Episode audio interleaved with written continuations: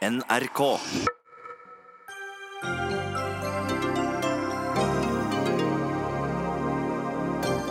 NSB er utkonkurrert og skal ikke lenger kjøre tog på Sørlandsbanen. De ansvarlige for driften de neste ti årene, et utskjelt britisk selskap. Dissidenten Jamal Khashoggi skulle innom det saudiarabiske konsulatet, men kom aldri ut igjen. Hva kan bli de storpolitiske følgene av det påståtte drapet, som har detaljer som minner om en grotesk thriller? Det tok over 70 år, men i dag kom den offisielle unnskyldninga til de mange tusen såkalte tyskerjentene. Hva har det egentlig å si så lenge etter? Og regjeringas utvidelse av fedrekvoten gjør det umulig å følge nasjonale anbefalinger for amming, advarer lege. Permisjon handler om mer enn bare amming, svarer ammende politiker.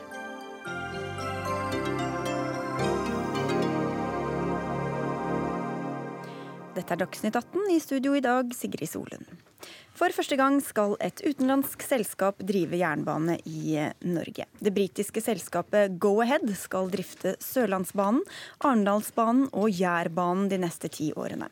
De vant anbudet foran det svenske statlige SJ og foran NSB, som i dag altså trafik trafikerer strekninga. Og Jernbanedirektør Kirsti Slottsvik, hva var avgjørende for at britene vant dette anbudet? Vi har evaluert og evaluert. Eh, vi har sett på kvaliteten. Eh, Sammenligna eh, i detalj på det meste. Eh, det som vi så, det var at alle tre leverte utrolig god kvalitet. Høy kvalitet, eh, helt i øverste sjikt på det. Nesten på tredje desimal når vi begynner å sammenligne tallene der. Så vi endte til slutt med at det pris som kom ut på at Go-Ahead, Norge AS, kom ut lavest på pris, og totalt sett da eh, fikk best score. Hvor mye billigere kan de gjøre det enn NSB? Altså, Vi betaler i år 480 eh, millioner til NSB for å drifte disse tre banene. Vi har beregna over ti år 1,5 milliard, og det er det staten betaler eh, for å få drifta det her. Det vil si i snitt 150 millioner i året, litt varierende i, gjennom perioden, så det blir jo under halv pris. Og så er det sånn at I Storbritannia har Go-Ahead eh, fått mye kritikk for å ikke overholde rutetidene. De har måttet unnskylde seg overfor kundene. Kundetilfredsheten er nede i 28% Hvorfor syntes dere da at de var de rette til å drive jernbane i Norge? det her er et datterselskap som er nyoppretta ut ifra det nordiske selskapet. Eh, vi ser at de skal drifte det med de norske togene. De skal drifte det med NSB sine ansatte. Eh, de får et billettsystem fra oss. Eh, det her blir noe helt andre rammebetingelser. For hvis du går inn i den undersøkelsen som vi har kikka litt på, så ser vi at det er togkvalitet. Eh, det er egentlig forsinkelser som vi har registrert handler om ombygging av infrastruktur på en del av strekningene som er der. Så jeg tror det er veldig lite sammenlignbart opp mot det den faktisk skal gjøre for oss her. Så du tror ikke at det har noen ting med selskapet som sådan å gjøre, at de har gjort det så dårlig i Storbritannia? Nei, altså i utgangspunktet så ser jeg for meg at vi sitter her nå med en nyoppretta eh, enhet som skal drifte det på en helt annen måte. De har gitt oss utrolig gode beskrivelser. Vi har sjekka dem opp og ned og frem og tilbake. Eh, og, og intervjua dem på hva er det de faktisk mener de skal gjøre. Og vi kan ikke se annet enn at de da sannsynligvis kanskje har lært av sitt eh, engelske moderselskap. Ja, hvordan kan dere egentlig kvalitetssikre at de kommer til å holde det de lover, både på pris og på kvalitet? For å si det sånn, så er det, Hvis du ser på NSB, og, og, eh, som i dag da drifter det for 480 millioner, de er nede på nesten den samme prisen, altså de har halvert sin pris. Eh, det å se på at de på samme måte har sagt at de kan levere en kvalitet. De kan levere den kvaliteten vi ønsker eh, til en bortimot samme prisen, gjør at vi ser at vi har sammenlignbare tilbud her. Ja, hvordan, men hvordan, Alle kan jo si at de skal kutte kostnader. Hvor er det de kutter? Hvordan vet dere at det kommer til å stemme? Først og fremst så er det ikke kutting av kostnader. De har et veldig ambisiøst opplegg med å få flere kunder. Og det er kanskje det som er forskjellen på at det statlige vederlaget blir lavere. Det er faktisk at eh, de har et opplegg, veldig godt samarbeid som de ser for seg med Columbus i Stavanger-området, Jæren. Eh, og også med egentlig for å få eh, kundene til toget på en helt annen måte enn hva vi gjør i dag. Og hvis det ikke holder, dette er en ti år lang anbudsperiode, hva slags sanksjoner eller muligheter har dere til å trekke det tilbake eller til å endre på ting? Ja. Altså I utgangspunktet så ligger det et garantibeløp på 500 millioner i bunn. Altså Hvis de velger å gå ifra kontrakter, så må faktisk den bankgarantien eh, løses ut. Vi går ut ifra at det skal ganske mye til for at de gjør det. Eh, I tillegg så har vi sanksjonsmuligheter i kontraktsystemet vårt. Eh, så vi tenker at eh, her er det noen som har lyst til å gjøre et godt og ærlig forsøk på å levere på kanskje en litt annen måte, men med kjent personell og kjente tog. Kjent personell, da er vi over på deg, eh, Grete Thorsen. Du er forbundssekretær for Norsk Lokomotivmannsforbund og har kommet i ens ærend fra Eidsvoll med tog for å diskutere dette. Ja. Altså, dine medlemmer skal jo da mest sannsynlig jobbe for dette selskapet. Hva slags forventninger har dere? Ja, det må jo se at det har kokt på sosiale medier til oss i dag da, for at Go-Ahead var sistevalget for våre medlemmer og for jernbaneansatte generelt. Ehm, og vi skal samarbeide med dem, eh, vi. Eh, men eh, vi frykter jo at det blir et alvorlig press på våre lønns- og arbeidsvilkår.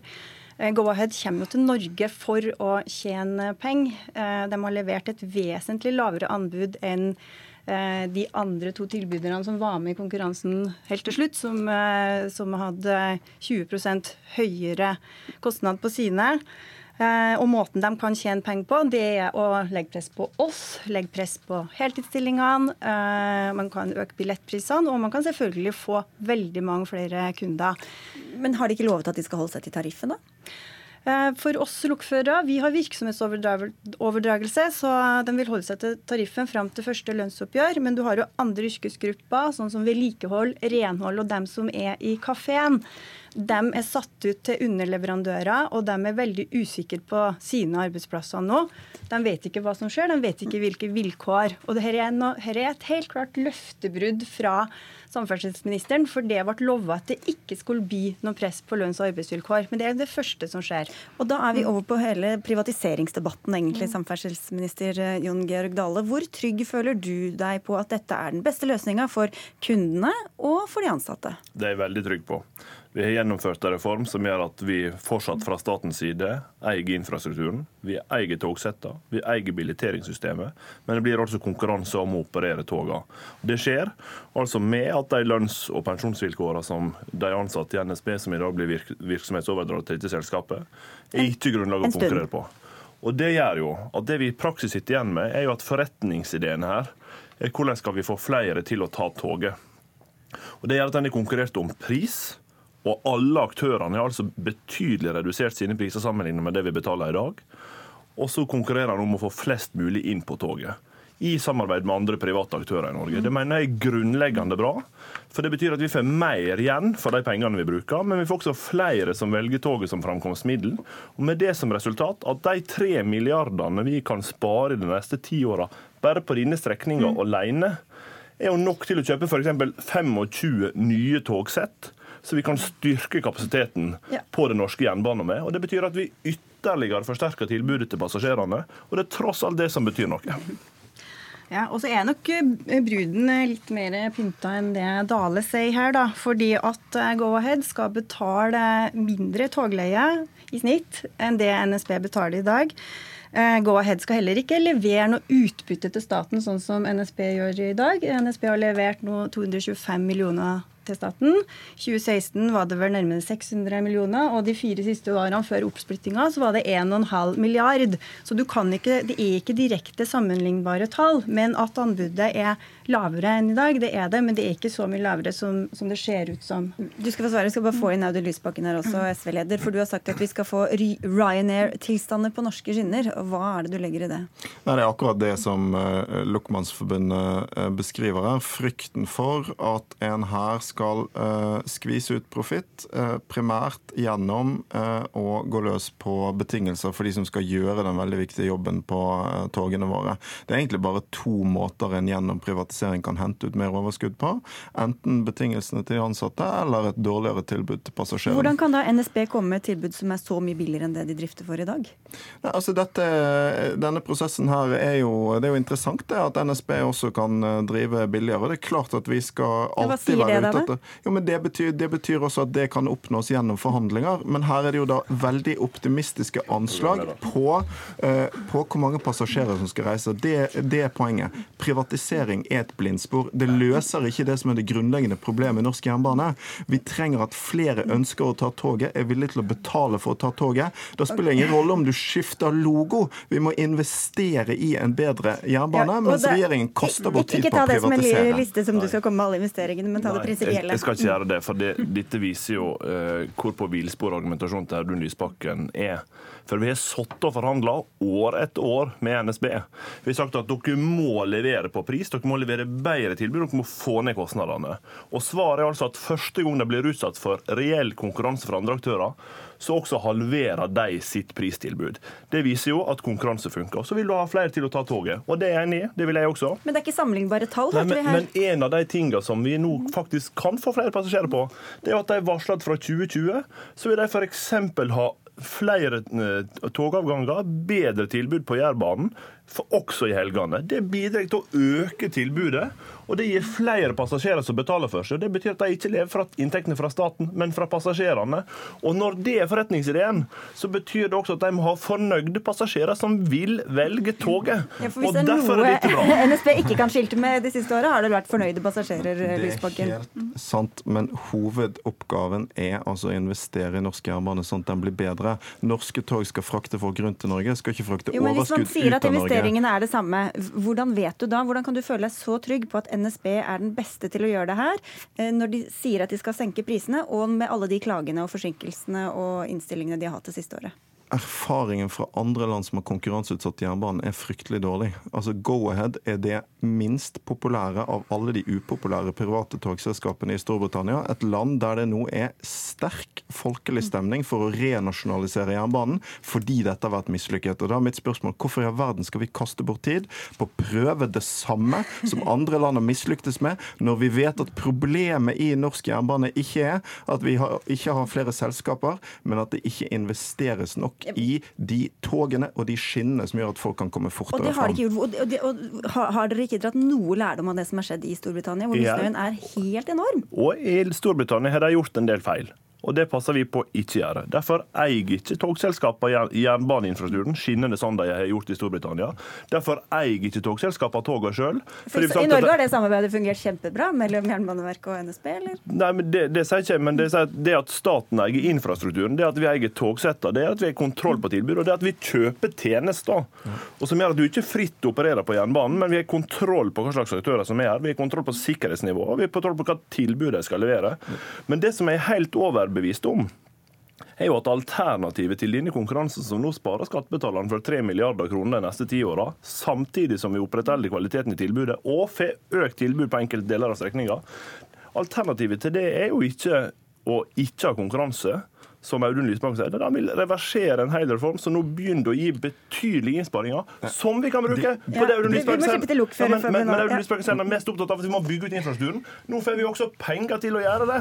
Og det gjør at vi i sum bidrar altså til at vi får flere passasjerer på toget, og vi får bedre infrastruktur. En av grunnene til at det har vært dyrere å drive eh, togdrift på Sørlandsbanen de siste årene, er at man brukte eh, veldig mye ressurser på å ruste opp Sørlandsbanen for å gjøre den klar til anbudsvinneren. Og selvfølgelig har det kosta, og det er også en del av det at tallene ikke er helt uh, sammenlignbar. For der har de hatt veldig lav punktlighet, uh, for å nevne det også. på uh, Ja, det har vært anleggsarbeid i årevis og masse buss for tog, fordi at det er jo enkeltspor, og du får jo ikke Det må nødvendigvis være sånn, men nå er den gjort veldig klar for at anbudsvinner skal lykkes, uansett hvem det ville ha vært da. Ehm, og så er det jo eh, også må du huske på at du har brukt masse penger på denne reformen. Brukt 1,3 milliarder bare på å omorganisere. Og eh, staten vil tape utbytte fra togselskapene når man gir eh, rett, rettighetene til å kjøre tog til private britiske investorer som kommer fra ja, eh, vi koster, koster 1,3 milliarder å gjennomføre denne reformen. Og vi har noen gevinstrealiseringsplaner som er langt overskrider det. Utbytte i fremtiden? Utbytte eh, fra NSB kan godt hende vi klarer å holde oppe hvis vi klarer å holde oppe lønnsomhet og NSB... jo, men ikke fra NSB når ikke de skal drifte strekningen, så blir det ikke noe utbytte derfra. Det kommer flere anbudsrunder på tog, det kan godt hende. Jo, men på denne strekningen så mister dere det utbyttet? På denne strekninga så mister en det overskuddet fra NSB som har vært her, men det er altså sånn at vi betaler i dag 468 til 480 millioner for, for denne strekninga. Men da går det til eierne i stedet for, ikke sant? Det er overskuddet. Ja, men for å si det sånn, de har nok ikke klart å få overskudd av alle de pengene. og Det er jo også grunnen til at de nå presser anbudet sitt betraktelig ned i denne konkurransen. Og Det, det syns jeg jo i utgangspunktet er bra. Hvis vi ser på hva NSB sjøl sier i dag, så sier NSB gratulerer og lykke til til konkurrenten og at de har lært mye gjennom denne anbudsprosessen. Som de sier sikkert mer enn ja, det. Ja, så, sier, så sier de, og det gjør at de skal være enda bedre rusta til å ta konkurransen på de okay. neste pakkene. Men, det er viktig. Økt konkurranse gir bedre tilbud og lavere pris. Okay, men helt For å slutte der vi, der vi, begynte. Hvordan kan du føle deg sikker på at de neste årene så er det ikke det, at dette ikke går ut for uh, lønningene, pensjonene til de som jobber der, ikke bare lokførerne, men også til alle de andre involverte, også etter neste lønnsoppgjør? I utgangspunktet nå så får du de lønns- og arbeidsbetingelsene, den pensjonsbetingelsene du ja, fått på, periode, vei, på, fått på vei inn. Og så går jeg ut ifra at uh, fagforeningene fortsatt er i stand til å forhandle også med andre utenlandske aktører. Vi har tarifflønn i Norge, de gjelder. Uavhengig av hva slags sektor du jobber i, så er det minstemålet.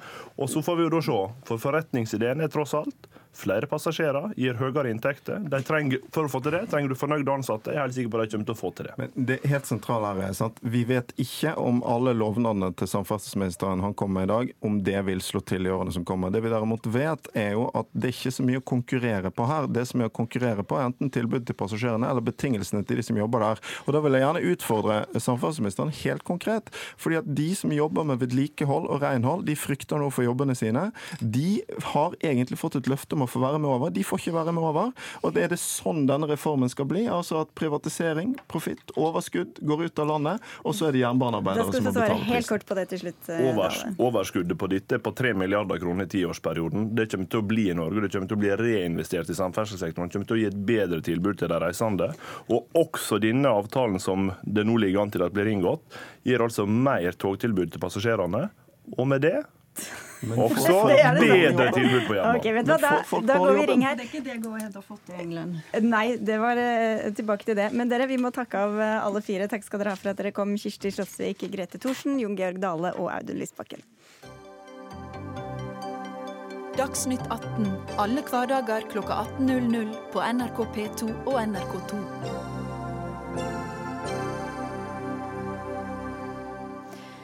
Det bestialske drapet på dissidenten Jamal Khashoggi, som ifølge tyrkiske myndigheter har skjedd på det saudiarabiske konsulatet i Istanbul, har utløst et skred av politiske dragkamper og lekkasjer. En av de siste lekkasjene er at saudiarabiske tjenestemenn ikke skal ha forsøkt å avhøre ham, men at de rett og slett var der for å drepe ham. Det melder Middle East Eye. NRK-korrespondent Sissel Wold i Istanbul, hva er siste nytt om etterforskningen? Ja, For et par timer siden så kom endelig etterforskere fra tyrkisk politi inn i residensen til generalkonsulen fra Saudi-Arabia. Han reiste fra Saudi-Arabia i går, like før det ble kjent at de skulle komme inn og undersøke residensen hans og hagen. Eh, vi hører i dag at han er eh, avsatt og skal etterforskes i Saudi-Arabia.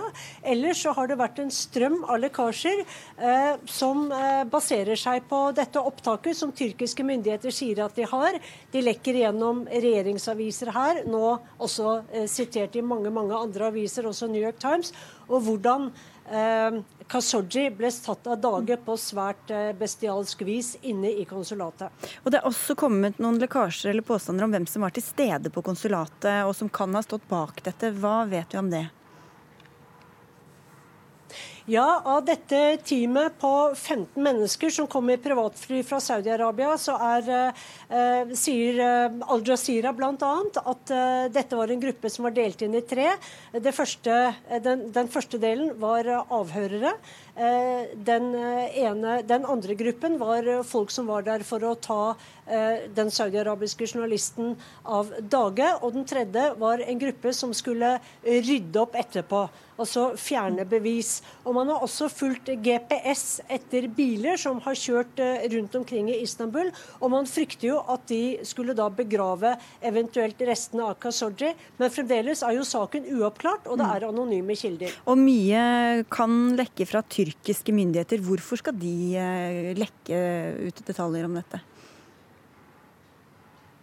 Tyrkerne er frustrert og veldig irritert på saudiarabierne, som ikke har samarbeidet om etterforskningen. De presser dem. Og alle disse lekkasjene som har kommet i løpet av det siste døgnet, og også forrige uke, ingen har motsagt dem. Saudi-Arabia har ikke kommet opp med et eneste motbevis. De har endret forklaringen sin underveis. De sa først at han ble ikke drept, han gikk ut fra konsulatet. Og så senere så har de innrømmet at uh, han kan ha blitt drept der, men nå går de tilbake på det igjen. Så Saudi-Arabia har et forklaringsproblem. Reier Mel Sjåder, du driver bloggen eh, Den arabiske halvøy og har bodd i Saudi-Arabia selv. Hvis alle disse lekkasjene stemmer, så hevder altså saudiarabiske myndigheter at landets øverste ledelse ble ført bak lyset av eh, tjenestemenn som handlet på egen hånd. Hvor sannsynlig vil du si at det er? Jeg vil se det som helt usannsynlig. Altså Siden denne kronprinsen Mohammed bin Salman har tredd opp i rekkene og blitt kronprins, så har han overtatt makten i alle de tre sikkerhetsanstaltene i, i landet og har sine tentakler rundt i hele samfunnet og, og, overvåker nesten alt som skjer. Og det at det skal finnes en gruppering på 15 stykk, som det sies her, som drar uten hans kjennskap til eh, Tyrkia og, og, gjør dette, det, det, har jeg ingen tro på kan være sant. Han må ha kjennskap til det hvis det har, hvis det har skjedd. Mm. Trump gikk ut i går og kritiserte den raske fordømmelsen av landet. Han trekker paralleller til Kavanaugh-saken og sier at begge er jo uskyldige fram til det motsatte er bevist. I sistnevnte tilfelle for alltid, da, ifølge Trump. Men hvordan reagerer resten av USA på dette og på forholdet mellom USA og Saudi-Arabia? Det, altså, det, som er litt interessant, er at eh, det har vært en del senatorer, og da hovedsakelig republikanske senatorer, som har gått veldig kraftig ut eh, mot spesielt denne kronprinsen, og sagt at dette her Eh, vil ødelegge forholdet til USA. De har vært litt nøye på å skille mellom forholdet mellom Saudi-Arabia og USA og forholdet mellom Saudi uh, kronprinsen og USA. Og mm. sagt at uh, kronprinsen Lindsey Graham blant annet, har vært ute og sagt at kronprinsen må gå av, for dette her er ikke tålelig. Og Det tyder jo på at de har fått sett noe etterretning av hva som har skjedd, siden de tør å gå så kraftig ut i, i, en sånn polemikk. Og Det betyr jo at det er en liten konflikt mellom da Kongressen og Trump på hvordan dette her vil gå videre, uten at det er noen ekspert på amerikansk politikk. Vi tar med deg også, Sissel, fordi USAs president Donald Trump, som eh, altså vi hører anklages for å gi for mye støtte til denne kronprinsen, har også sendt utenriksminister Mike Pompeo til regionen. Og de møttes vel i går. Hva vet vi om hvordan det møtet forløp? Eh, møte med kronprinsen i Saudi-Arabia. Ja. Og Pompeo. Ja. Ja. Eh, nei, altså det, det, kom jo ut eh, bilder hvor det var riktig gemyttlig eh, i møte med kronprins bin Salman og Mike Pompeo. Og så kom Mike Pompeo hit, og det han hadde å si, var at saudi-arabierne ønsker å selv eh, etterforske denne saken. Det skal være en åpen etterforskning. Det er ikke så mange som tror at det vil skje hvis det skal skje i Saudi-Arabia. Mange mener jo at dette bør Eh, dette bør etterforskes internasjonalt. Da Pompeo kom hit, så hadde han to lange møter. Ett med Erdogan, ett med utenriksminister Chavartolo. Vi vet ikke helt hva som foregikk på de møtene. De tok ikke spørsmål etterpå. Det var bare bilder som ble publisert etter dette. Men Erdogan sier at han håper at eh, saudi-arabierne vil samarbeide om etterforskningen. Men etterforskerne kom jo inn først etter to uker i residensen og på konsulatet, og i løpet av den tiden så kan jo mange spor ha blitt fjernet eventuelt. Schøder, hvor viktig er hvilke signaler som sendes nå fra USA og andre vestlige land eh, til Saudi-Arabia? Jeg tror og syns at denne saken her har en ganske sterk signaleffekt. For det er litt litt symptomatisk at når man ser på landene i Midtøsten, så har de fleste landene stilt seg bak Saudi-Arabia, støtta de og sagt at dette på en måte er fake news. Og hvis det da viser seg at man òg slipper unna med denne type oppførsel, så vil det gi et signal ikke bare til Saudi-Arabia, men til en del andre land som har klare diktatur i Midtøsten, til at denne type oppførsel kan man akseptere i Vesten hvis man har en allianse. og Dermed så syns jeg at akkurat her er det litt viktig at skoen trykker. For det, det er en fare for at, eh, at, dissidenter og andre som kjemper for eh, demokrati og ytringsfrihet, eh, rett og slett går tapt i denne saken hvis man ikke reagerer. Det, det vi hører om er jo så drøyt og virker så risikabelt. Hvorfor har de tatt en sånn eventuelt da, en sånn risiko Dersom ja, det stemmer, det som vi hører? Og det er jo det at Alt er jo basert på anonyme kilder, mm. så man skal jo ta det med, med, en klype salt. Men uh, trolig så har man uh, sett at altså blokaden av Qatar var det ingen som reagerte på. Krigen i Jemen er det få som reagerer på. Når de kidnappa den tidligere statsminister, altså statsministeren i Libanon, så var det ingen som reagerte. Og dermed så tenkte de nok at én journalist som man bortfører, eller som forsvinner, hvorfor skal man da reagere på det i Vesten? og så har nok sånn situasjonen utvikla seg med at Tyrkia har lekka opplysninger. Denne forloveden til Khashoggi som var til stede. og og aldri observert han til å dra, har nok ødelagt litt for den historien. Men det er kanskje en av grunnene til at man, man tok den risikoen. Pluss at han var vel en eh, eh, jobbet i Washington Post, som jo også kan ha noe å si for oppmerksomheten han får fra Det er jo uten tvil eh, Washington Post og en del andre medier som står bak eh, mye oppmerksomheten der, og også spesielt siden han var journalist. Eh, det er det jo ingen tvil om. Vi eh, takker av i denne runden og kommer tilbake når vi vet noe mer. Eh, her skjer det jo stadig ting. Eh, Reier Møller Sjåder fra den bloggen Den arabiske halvøy, og takk til deg også, NRK-korrespondent Sissel Wold.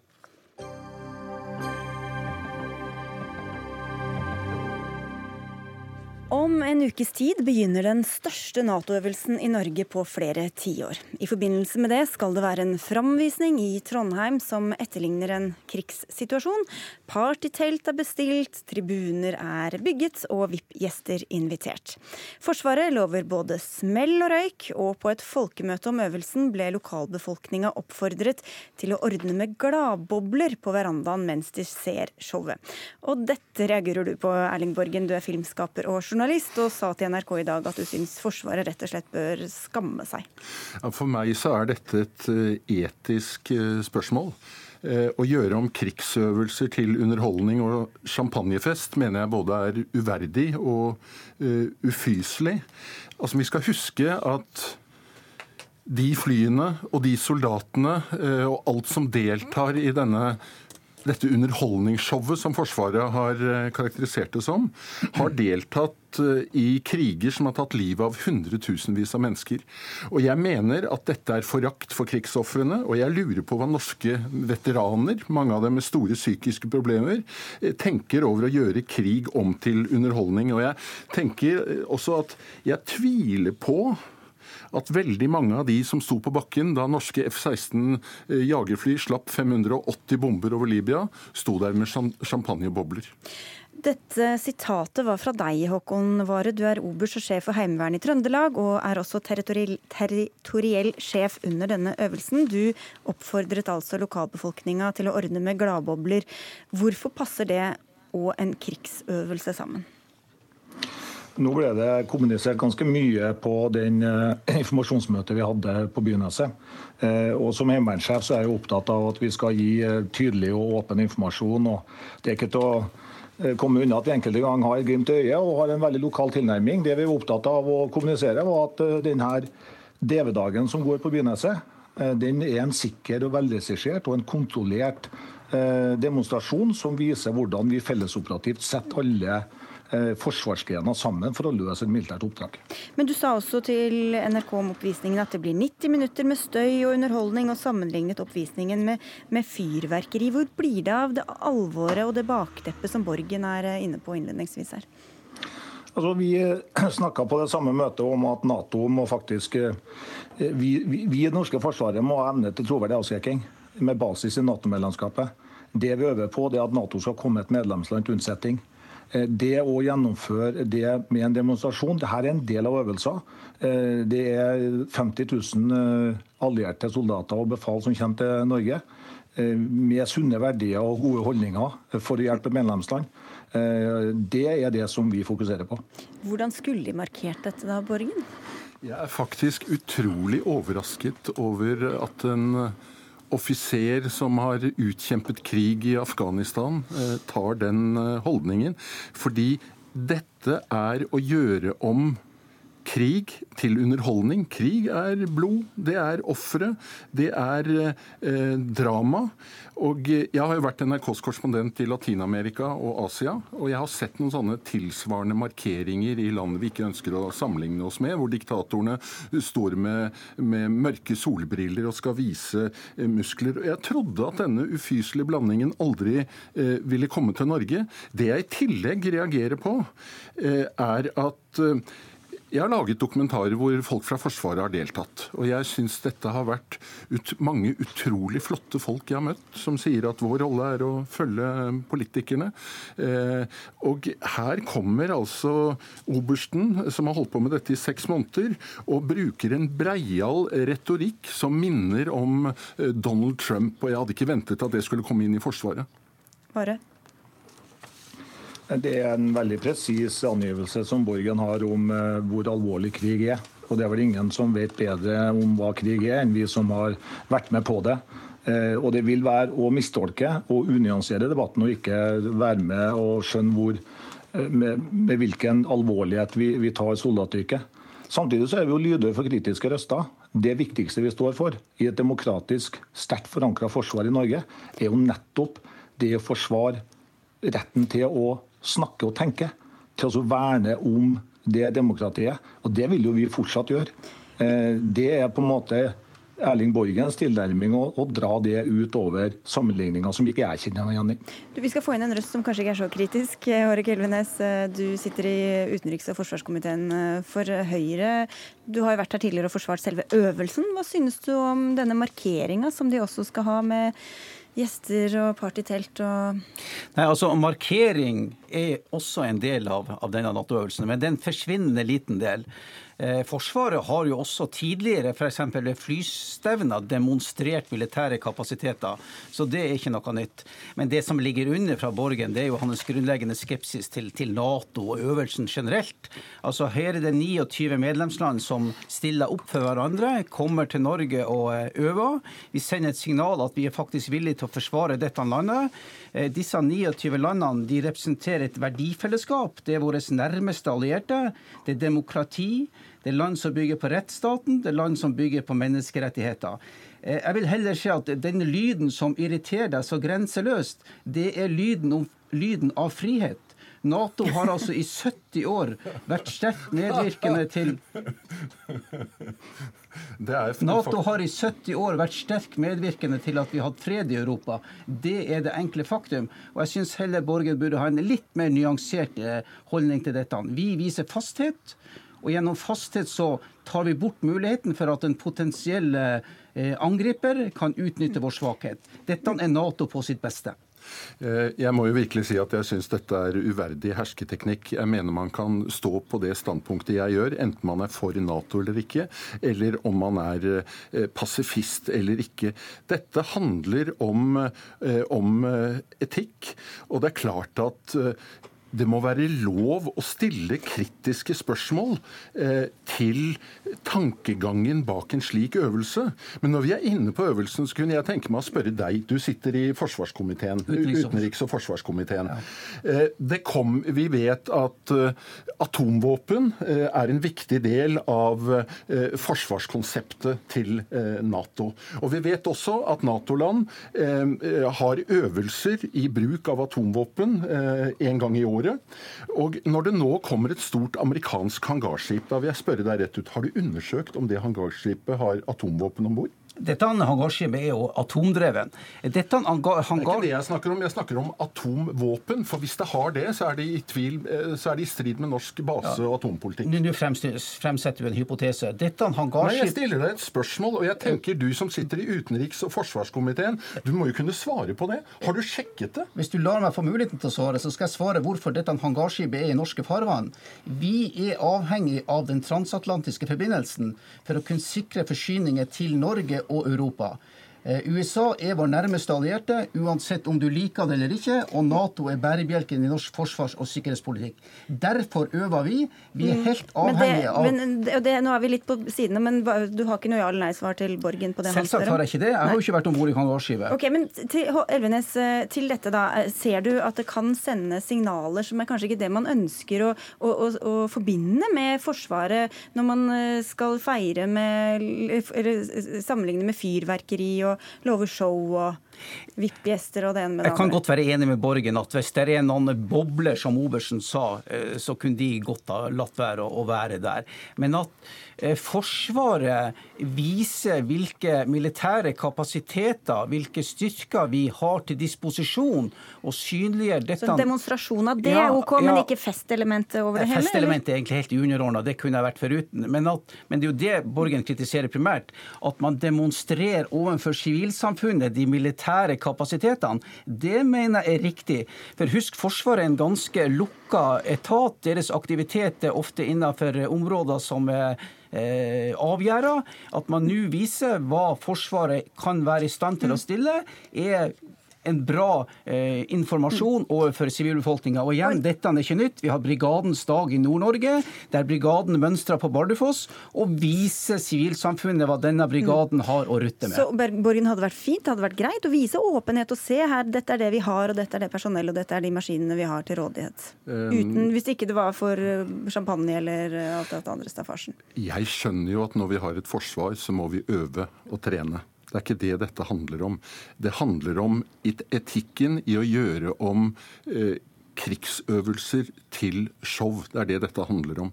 Og jeg syns det er oppsiktsvekkende at en representant for regjeringspartiet Høyre ikke er interessert i å finne ut om et amerikansk hangarskip frakter atomvåpen til denne øvelsen.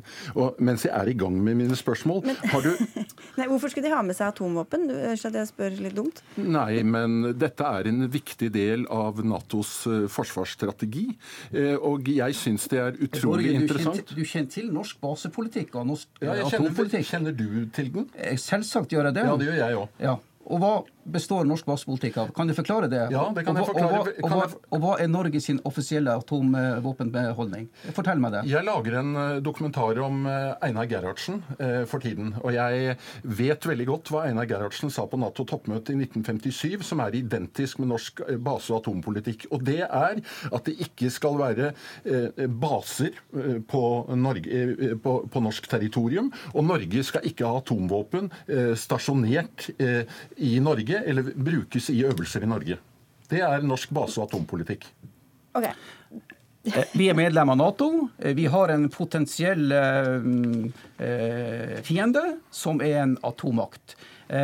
Vi støtter internasjonale gjensidige nedrustningstiltak på atomvåpensida. Men en ensidig nedrustning fra atomvaktene i Europa er ikke Norge med på. Men Norge disponerer selvsagt ikke atomvåpen, og vi har en klar politikk at det ikke skal være atomvåpen på norsk jord. Ok, Nå ble det litt to debatter igjen. Nei, men det, er, det er interessant at hun nevner... Men du sporer jo helt av debatten. Det starta med bobler i Trondheim, og nå er det på et hangarskip som du påstår har atomvåpen i Vestfjorden. Dette er et sammensurium, Borgen. Du kan få svare. Jeg syns det er interessant at han eh, nevner dette. For jeg syns det er en skam at Norge ikke har ønsket å undertegne forbudet mot atomvåpen, som ble vedtatt av 122 eh, FN-land. Og jeg mener samtidig, hvis ikke du er opptatt av atomvåpen, så er faktisk jeg det. For jeg vet at en atomkrig kan utslette Norge og hele verden. Og det er oppsiktsvekkende at du ikke er interessert i dette spørsmålet. Jeg svarte nettopp hvilken holdning okay. regjeringa og Norge har til dette spørsmålet. Jeg tror vi setter strek der. Eh, fikk vi litt flere debatter igjen. Eh, og sier tusen takk til dere alle tre. Håkon Vare Oberst, Erling Borgen, som også er journalist og dokumentarfilmskaper, og til Hårek Elvenes fra Høyre.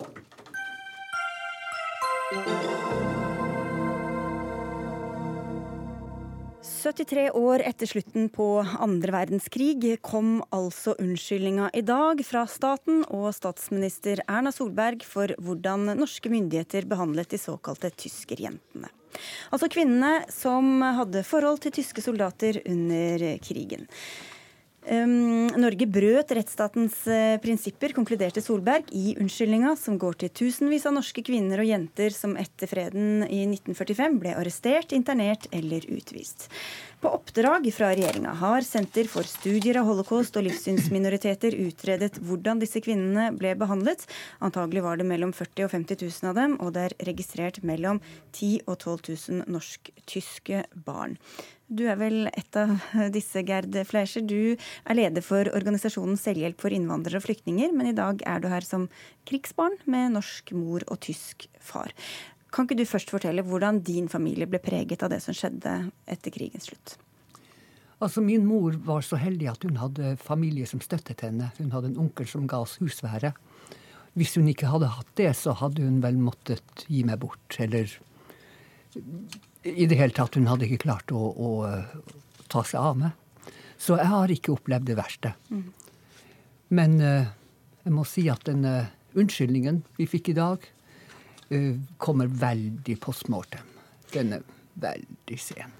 Jeg tenkte vi kunne komme litt tilbake til, til den unnskyldninga, men at vi først også skal snakke litt mer om, om, hvordan det var. Altså hvem barna var, og hvem disse kvinnene var. Eh, og hvordan dere opplevde eh, behandlingen fra også den norske, norske staten i årene etterpå. Altså, hva, hva våre mødre og min mor opplevde det, det tror jeg ikke hun ville fortelle sitt barn. Um, jeg vet hva jeg selv opplevde, og det er ikke det, som sagt, det er ikke det verste. Men jeg fikk jo veldig fort uh, forståelse for at det var noe i veien med meg. Noe gærent, basisk gærent med mitt blod, ikke sant. Um, det som kanskje er mest beskrivende, er at det tok oss tyskerungene, som vi het, 50 uh, år før vi våget å stå fram og fortelle, og stå sammen og fortelle hvordan, hva vi hadde opplevd. Det sier noe om den skammen vi ble påført.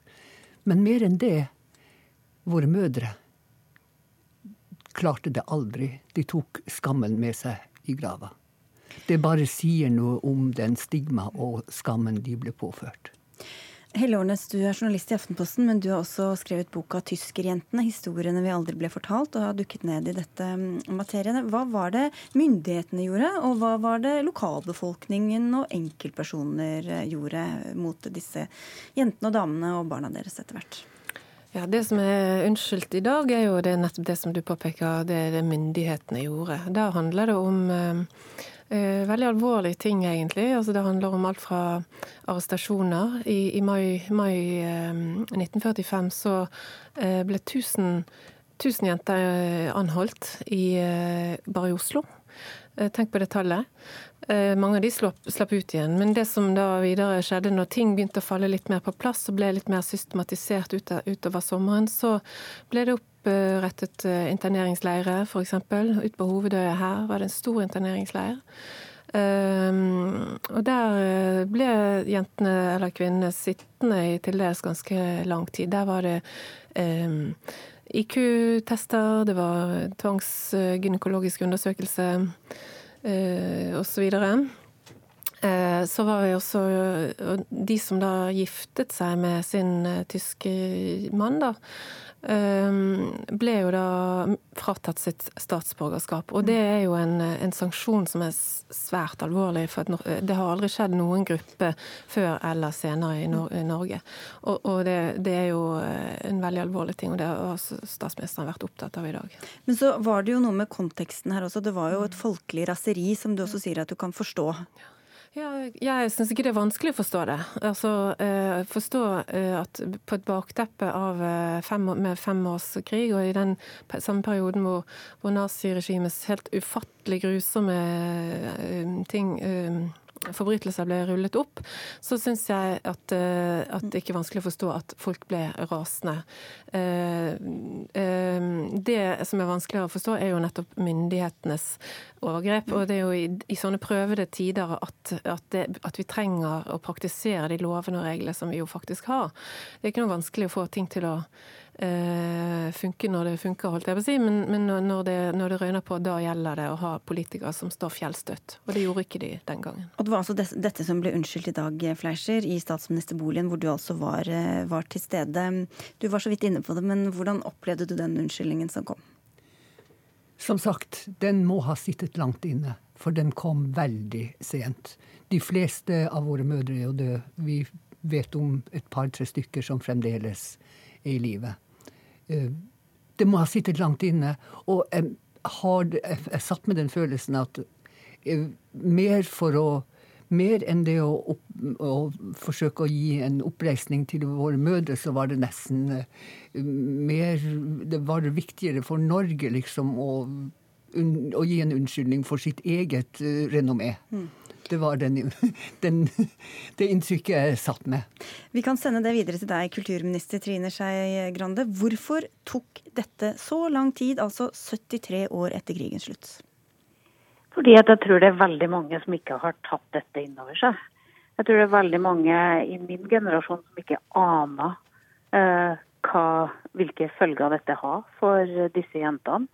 Eh, og det at noen orka til slutt å fortelle historiene, at uh, noen flotte journalister og forfattere har satt seg ned og beskrev historien til disse jentene og kvinnene, så tror jeg jo at det har vært en oppvåkning uh, også i det politiske Norge. Det er mange andre grupper som har hatt høylytte talsmenn uh, for de overtrampene de har blitt utsatt for. Dette har vært kvinner.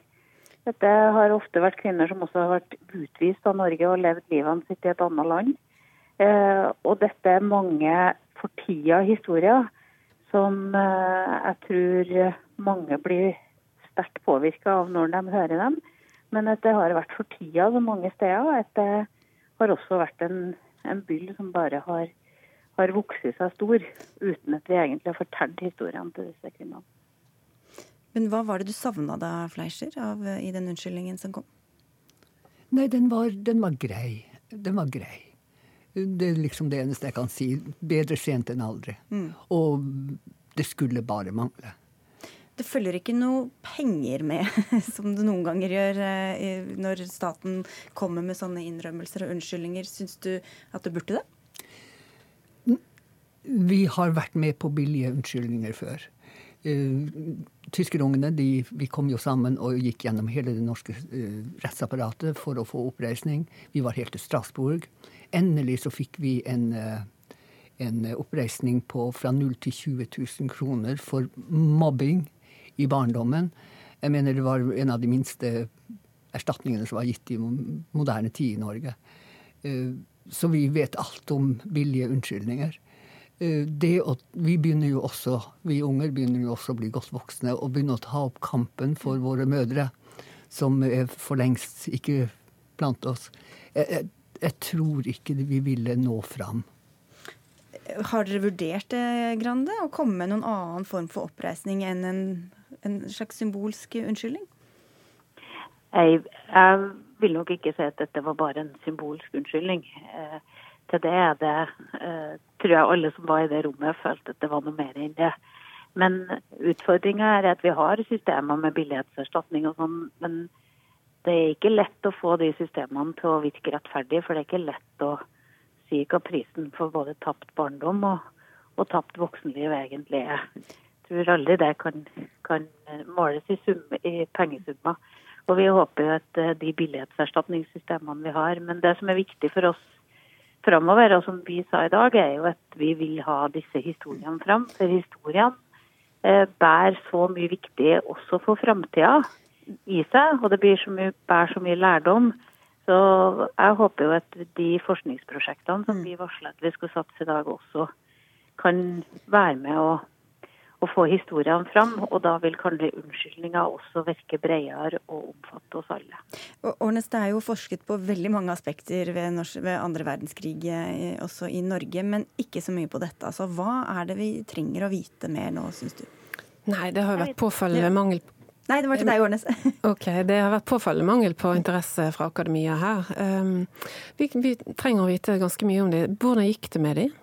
Hadde de f.eks. Eh, levde de kortere enn befolkningen ellers? Det vet vi jo at uh, mange av krigsbarna har, gjort. Uh, hvem var de? Altså Helt basale spørsmål. Det, det finnes nesten ingen ordentlig forskning på denne gruppen. Jeg har bare lyst til å si at jeg tror også at denne unnskyldningen den kommer sent. Det er riktig. Men jeg tror den betyr ganske mye også for de etterlatte. For mange etterlatte tror jeg faktisk også at den betyr noe. Ikke sikkert at den, den nødvendigvis oppfattes som en oppreisning, men i alle fall en slags Kanskje en, en en uh, closure, som det heter. Sant? At, en, en, uh, at de Og de vil, um, de vil kunne Eh, noen vil sette veldig pris på dette med forskningen, som du sa. Men tror du også at det kan være kontroversielt for mange? At det kan oppleves, selv om det er over 70 år, at det, kan føles nært for andre å synes at dette kanskje er sårt? Altså, det er jo bare til å gå inn i kommentarfeltene i dag. Jeg har selv svart en som skrev at de burde vært henrettet. Eh, det gjorde andre land. For det første er det feil. Det var ikke andre land som henrettet tyske jenter. Og for det andre så er det jo en hårreisende påstand. Bare minne om at dette var ingenting ulovlig. Det var ikke ulovlig å forelske seg. Det var kanskje litt dumt. Det var ikke, det var ikke et uproblematisk valg, men det var ikke ulovlig. De brøt ingen lov. Vi må også se på at dette, det er en viktig unnskyldning, uh, mye pga. at dette er et brennaktuelt tema i verden i dag. Eh, det blir født krigsbarn hver eneste dag rundt om i verden, og kvinner blir uh, voldtatt. Eh, det er barn produkt av voldtekt. Det kan også være kjærlighetshistorie. Jeg mener, Dette er et brennaktuelt uh, problem. Når vi ser hvordan Norge, rettsstaten Norge behandlet oss og våre mødre, så kan man bare forsøke å inn å tenke hvordan andre har det rundt om i verden. Så dette arbeidet må gå videre. Vi må fokusere på problematikken. Vi, jeg mener, jeg har sagt at vi tyskere, altså krigsbarn, de, vi trenger ikke bare en vi, vi, vi, får nok ikke en egen konvensjon, men vi trenger et eget kapittel i Barnekonvensjonen for, for spesielt vern. Og det trenger kvinnene også rundt om i verden. Nå tipper jeg at eh, Trine Skei Grande sikkert hadde lyst til å følge opp det, men vi rekker ikke det. Men bare helt kort til slutt, eh, Fleischer. Hva tror du moren din hadde syntes om den unnskyldninga som kom i dag? Som sagt, hun var en klok kvinne, og hun ville, hun ville nok ha takket eh, statsministeren. Da takker jeg dere tre for at dere var med i Dagsnytt 18, Gerd Fleischer, og til deg, Helle Årnes, altså journalist og forfatter, og kulturminister Trine Skei Grande med på telefon. Hør Dagsnytt 18 når du vil. Radio NRK Radio.nrk.no.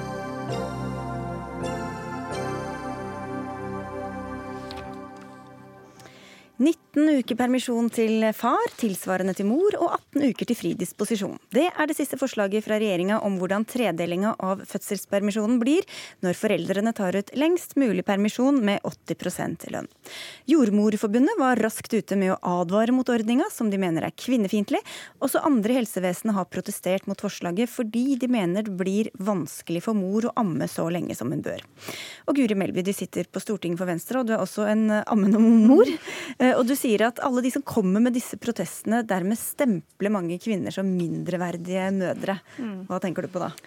Ja, altså, eh, vi har jo blant verdens rauseste foreldrepermisjonsordninger, og fortsatt da med den nye ordninga eh, der vi strammer inn litt mer, så er det da fullt mulig for mor å ta 37 uker permisjon I tillegg kanskje også ferie, så du trenger ikke å begynne å jobbe før ungene 8-9-10 måneder. Så det er fullt mulig å ivareta rådene om amming, eh, samtidig som du da går tilbake i jobb. Eh, men så er det også mange som allerede i dag velger kortere permisjon, og det er mange som velger å begynne tidligere i jobb, kanskje dele 50-50 og gjøre ulike ordninger. Og det er også mange som av andre årsaker ikke ammer like lenge. Og jeg mener jo at når Jordmorforbundet løfter det her som omtrent den eneste begrunnelsen for hvorfor vi skal ha en permisjon, så tror jeg veldig mange sliter med dårlig samvittighet. Mm. Og jeg har jo selv opplevd Jeg har stort sett tatt ca. seks måneder permisjon når jeg har fått barn. Eh, og jeg har selv opplevd å bli møtt veldig mange ganger på en sånn måte som gjør at jeg føler at jeg har gjort et veldig dårlig valg, og at jeg ikke er en god nok mor, og at jeg prioriterer karriere foran barna. Og jeg tror at mange kvinner sliter nok med dårlig samvittighet, og vi trenger ikke å påføre dem noe mer dårlig samvittighet. Det er jo andre grunner også så folk har til å mene at dette er for tidlig å gå ut i jobb, men hvis vi holder oss litt til denne amminga, da. Eh, Kari Løvendal Mogstad, du er fastlege, du er ikke Jordmorforbundet, men du eh, har sittet i en nasjonal rådgivningsgruppe for spedbarnsernæring og barselomsorg. Skjønner du at kvinner som går eh, relativt tidlig tilbake i jobb, kan føle at de blir litt sånn stempla? Ja, vi er jo flinke vi kvinner til å få dårlig samvittighet og kanskje kjenne oss stempla hvis vi føler vi gjør valg som ikke er riktig eller hermetegn korrekt, kanskje. Men jeg tenker det kan vi også snu den andre veien. At eh, det er mange tror jeg, som etter hvert kommer til å kjenne, og allerede kjenner på dårlig samvittighet for barnet sitt og for det de kanskje opplever riktig ved å være De kunne ønske å være enda lenger hjemme. Så jeg tror det kan vi jo snu begge veier, egentlig. Så, ehm, så jeg, jeg, syns, jeg, er jo enig med Jordmorforbundet mm. i den saken at jeg syns på en måte nå syns jeg det begynner å gå for langt. da, i forhold, for det her må vi huske nå at eh, de 19 ukene, så vidt jeg har skjønt, med forbehold, for jeg har ikke fått lese meg helt opp i det nye forslaget, men så er det på en måte tre av de ukene, 19 ukene til kvinner er jo før fødsel. Gjelder ikke og det lenger, så blir de 16. Hun rister på hodet her, er ikke det Nei, riktig lenger? Nei, de tre ukene som er før fødsel, de er utafor det regnestykket her. Ok, Så det blir okay, fire og en halv måned omtrent, da. Ja. Mm. Yes, ok. Men, men, i hvert fall, det er ganske kort tid. Det er ganske kort tid. Det er jobbet som fastlege og har veldig mange gravide og barselkvinner. Og eh, Bare i dag har jeg hatt flere. og eh, Det er ganske mange som ikke er helt på overskudden etter to-tre måneder heller. og Det er jo da ungen også begynner å bli vant til livet og nær sagt begynner å bli, få mindre vondt i magen og så, kanskje sove litt mer. og sånn, og Da skal på en måte kvinnen begynne å, for, begynne å forberede seg på å gå tilbake til jobb. så det, det syns jeg, jeg syns ikke noe om det. Nei, skjønner, men hvis vi prøver liksom fokusere litt på denne amminga da, som jeg var inne på, Melby. Da er det da sånn at dere eh, hvis, hvis, du sier fire-fem måneder, da, som er forbeholdt mor Eller fem måneder etter, eh, etter, fødsel? Ja, det er jo 19 uker hvis du tar 80 ja. eh, Og så har du da 18 uker til fri fordeling. Ja, ja, Men, men liksom minste, mm. ja, minstesatsen? Det, yes, det er minstesatsen. Og, og, og så er man jo Eh, altså, Rådene er at man skal fullamme til de er fire til seks måneder, mm. disse ungene. Hvorfor ikke i hvert fall ha en, eh, en, periode som gjør at man er hjemme lenge nok til at man kan liksom amme til barnet er klar for å spise mat? Ja, Det som vi har gjort nå, er jo faktisk at vi har styrka med mødrekvoten også. Tidligere så har jo det eneste som har vært reservert for kvinner, har vært tolv uker. Eh, nå har det blitt økt til 15 for dem som da har 100% og 19 for dem som har 80% Så vi har jo faktisk styrka også kvinners rettigheter, samtidig mm. som vi har styrka fedres rettigheter. Og så er det jo riktig at vi har overlatt en ganske stor del til familiene å avgjøre sjøl. Noen ville jo ment at vi burde sagt enda mer til far for å liksom løfte likestillinga, mens noen mener at vi burde gitt enda mer til mor for å sikre hennes rettighet til å amme. Jeg syns det er viktig at vi samtidig som vi sikrer amming og likestilling, også bevarer en viss fleksibilitet i familiene. Men så ser vi jo at de aller fleste bruker jo den fleksibiliteten til at mor tar hele fellesperioden. Det skjer i dag, og det tror jeg kommer til å skje. Så det er jo ingen som med dette forslaget er nødt til å gå ut i jobb før ungen er åtte-ni måneder. Ja, det er det, Mokstad. fordi de, de, på en måte, de, for, for, de, gir mer i den ene enden, kan du si, og tar litt mer i den, i den andre andre enden. Men mor kan være hjemme i åtte måneder. Det er ingen som fullammer så lenge eh, etter altså, eh, åtte Nei, måneder. Men Nei, men Det høres veldig fint ut, men det, jeg tenker, det her er mye prinsipp på, tenker jeg, altså, eh, på, på, Det er jo en reell reduksjon, og det blir mange som stresser med også den her, med den her valgfrie. Det hører man også. Det, det, det, møter også folk som diskuterer. Det er mye mer rom for stress da, og diskusjon i forhold til de frivillige ukene også. Så det, jeg, jeg tenker generelt det her å være barselkvinne i dag i Norge, med det her som skjer i det andre, eller første enden, med, med at de skal ut av sykehuset først, eh, fortest mulig, der amminga ikke er satt i gang, og så skal du forsyne med ut i jobb. Eller i hvert fall det, er et politisk insentiv, da, og, og veldig politisk korrekt, at, eh, måte, det skal være den likestillingssaken det her er blitt. da. Det, det synes jeg det gir et, også et stress i andre enden for, for, eh, mor og barn. Jeg tenker Det er mye man kan finne ut av forskning, men også det med tilknytning. Jeg, er helt klar på at eh, det, og Så skal jeg tilbake på det med, med amming og fullamming. Det er riktig det at fire til seks måneder Fullamming er det anbefalte. Jeg satt i den gruppa sjøl som utarbeidet de retningslinjene. Og det stemmer, fire til seks måneder. Men det er jo ikke sånn at man da fra å fullamme går rett over til å være i jobb, og at det fungerer. For det, altså det samspillet mellom mor og barn i forhold til amming og denne eh, økning og reduksjon av melkemengde, er det ikke bare å skru av og på. Nei. Så det her er jo en gradvis sak, og, og derfor så, så, er, så, gir det her Det er helt klart, og det ser vi allerede, at det gir en reduksjon i ammefrekvens. Mm. Og akkurat den timen da, eh, som, da, da slår i, Og det er jo norske retningslinjer som sier at man bør fullamme fram til fire til seks måneder, og så amme frem til minst et år. Ikke sant? Og da er man ikke en maskin, og babyen er ikke en maskin, Melby, og det vet du sjøl som sitter og skal ha puppen ut akkurat når babyen sover, eller hvordan det der er. Ja, jeg har en baby på elleve måneder, og jeg ammer fortsatt, og jeg vil jo absolutt oppfordre alle til å gjøre det. Og saken er jo den at eh, det er jo veldig mye vi trenger å gjøre for å legge til rette for ammende kvinner i det samfunnet her. Det handler jo mye mer enn hvor mange uker du har permisjon, og om du har på en måte 19 eh, uker eller 21 uker, det er jo ikke det som nødvendigvis avgjør om ungen får den morsmelka den trenger, og at kvinnen får den tida hun trenger. Det er jo vel så viktig, og det prøvde jeg å utfordre Jordmorforbundet på, å kjempe for bedre ordninger for ammefri, mer fleksibilitet fra arbeidsgiver. Enig, mm. Ja, og det er jo mange for eksempel, som ønsker å prøve ut løsninger der de begynner delvis å jobbe litt tidligere, og dermed kan strekke ut perioden der de har mye fri lengre.